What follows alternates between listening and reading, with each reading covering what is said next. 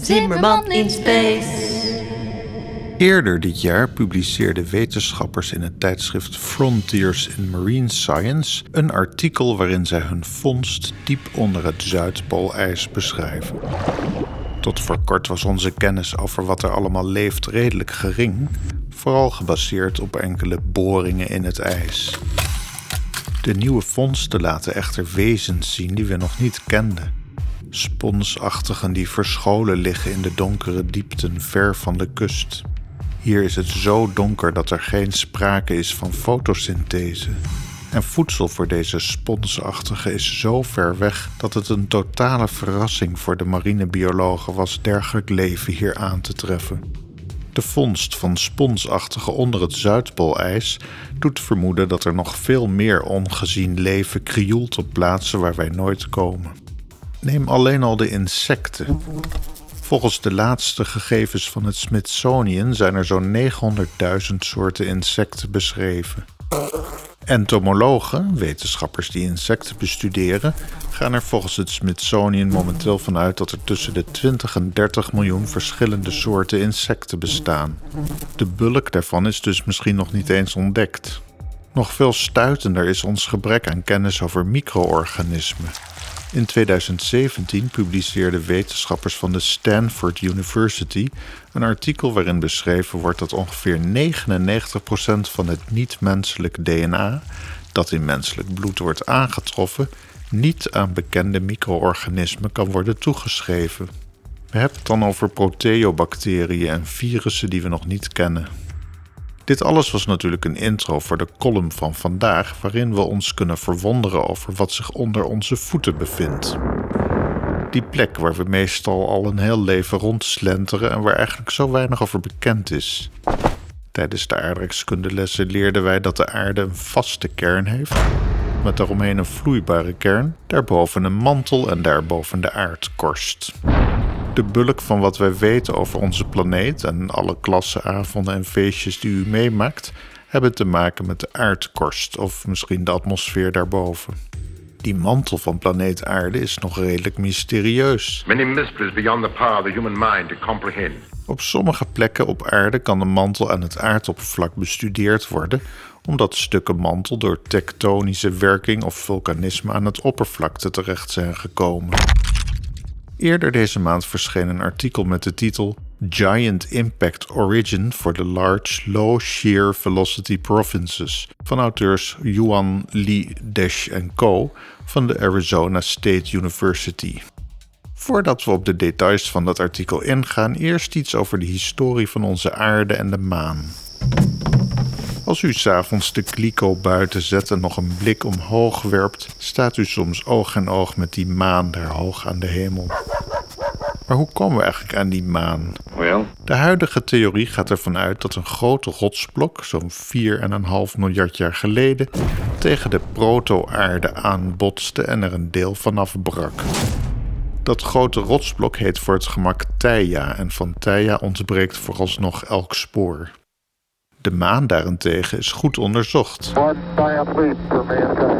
Isotopenonderzoek van maangesteente heeft aangetoond dat er veel overeenkomsten bestaan tussen aarde en maan. En dat maakt het aannemelijk dat beide zijn ontstaan uit één groter voorwerp dat destijds in tweeën brak na een aanvaring met een rotsblok ter grootte van ongeveer de planeet Mars. Dat is althans de huidige theorie. Er zijn ook wetenschappers die uitgaan van een veel grotere vorm van Theia. Nu was planeet Aarde 4,5 miljard jaar geleden, net als de rest van ons zonnestelsel, nog veel vloeibaarder dan ze vandaag de dag is. De meeste astronomen die de theorie van Theia aanhangen, gaan ervan uit dat een groot deel van de kern van Theia is samengesmolten met de kern van planeet Aarde. Yuan, de hoofdauteur van het zojuist genoemde artikel, suggereert dat er meer aan de hand is. Als we die aardmantel bestuderen, dan blijkt zo'n 8% enigszins af te wijken van de rest. Die afwijkingen worden gevonden door seismische metingen en dan blijken trillingen langzamer door die 8% te propageren dan door de resterende 92%. Deze 8% afwijkende aardmantel is verdeeld over twee plaatsen die Large Low Shear Velocity Provinces of LLSVP's genoemd worden. Eentje bevindt zich onder Afrika en de andere vinden we onder de Stille Oceaan. Vooral ook omdat elk spoor van Theia ontbreekt, dacht Yuan: wat nou als Theia samengegaan is met de aarde en de LLSVP's hierdoor gevormd zijn? Dat dat eigenlijk de restanten zijn van de mantel van Theia. Hij sloeg aan het rekenen en de afmetingen van de LLSVP's komen overeen met wat hij voorspelde als dit inderdaad fossielen van de mantel van Theia zouden zijn. Een ander onderzoek uit 2012 van de University of California, Davis, met de titel Early Differentiation and Volatile Accretion Recorded in Deep Mantle Neon en Xenon, liet zien dat de aardmantel ouder is dan onze maan en ook verschillende bronnen van deze edelgassen neon en xenon kent. Een van deze bronnen zou Theia kunnen zijn. Want, dat ligt voor de hand, Theia bestond uiteraard al voordat de maan van de aarde werd gesepareerd, 4,5 miljard jaar geleden. Yuan ging samenwerken met astronoom Stephen Dash en samen probeerden zij de chemische samenstelling van Theia beter in kaart te brengen.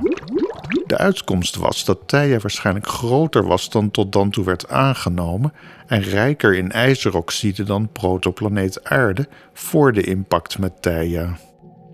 De dichtheid van Theia was zelfs aan een onder- en bovengrens gebonden. Een veel zwaardere, een veel dichtere Theia zou in haar geheel verzwolgen zijn door de proto-aarde.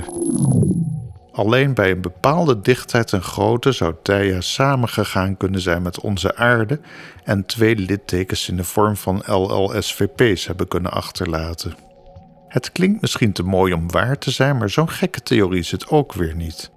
Als de hypothese van Yuan correct is, dan zijn de LLSVP's ouder dan onze maan.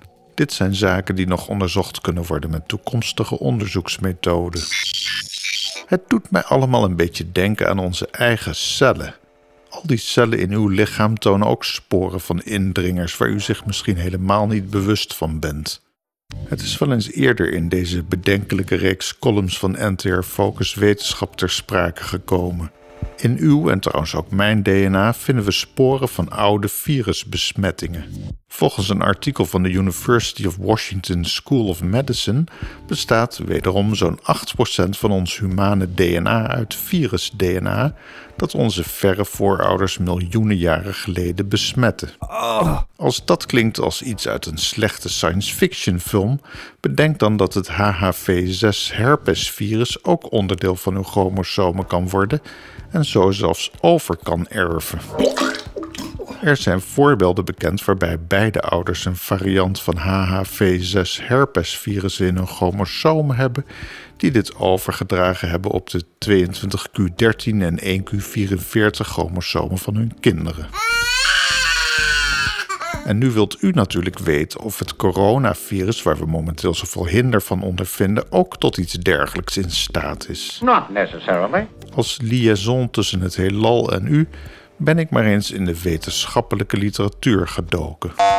Er zijn voorzichtige aanwijzingen dat ook het SARS-CoV-19-virus genetisch materiaal injecteert in de chromosomen van gastvrouwen of heren. Dat zijn uiteraard u en ik, mits wij COVID-19 positief getest zijn. Het artikel in kwestie is nog in preprint en heeft als titel SARS-CoV-2 RNA reverse transcribed and integrated into the human genome. Een prettig leesbare variant vindt u in Science magazine met de titel The coronavirus may sometimes slip its genetic material into human chromosomes. But what does that mean? van schrijver Jon Cohen. Een en ander werd gepubliceerd eind vorig jaar. De auteurs van het oorspronkelijke artikel geven duidelijk aan dat er aanwijzingen zijn dat een deel van het genetisch materiaal van COVID-19 permanente residentie in humane chromosomen krijgt. Net zoals dus 8% van uw DNA al uit erfelijk materiaal van parasieten uit het verleden bestaat. En dat een deel is belangrijk, want dat betekent dat het incomplete coronavirus mogelijk in uw lichaam en dat van uw nageslacht niet in staat zal zijn zichzelf te vermeerderen of wat dies meer zij. You gave me such a start. Oh, De toekomst zal moeten uitwijzen of de mens van morgen permanent delen van deze COVID-tijd, zij het in incomplete gedeactiveerde vorm, zal doorgeven aan haar nageslacht. Put out effort at the places where effort counts most. En diezelfde toekomst zal ons eveneens meer vertellen over het binnenste van onze planeet. Of de resten van een oud bombardement gewoon onder onze voeten verborgen liggen. Mijn DNA goed uw DNA en tot een volgende keer.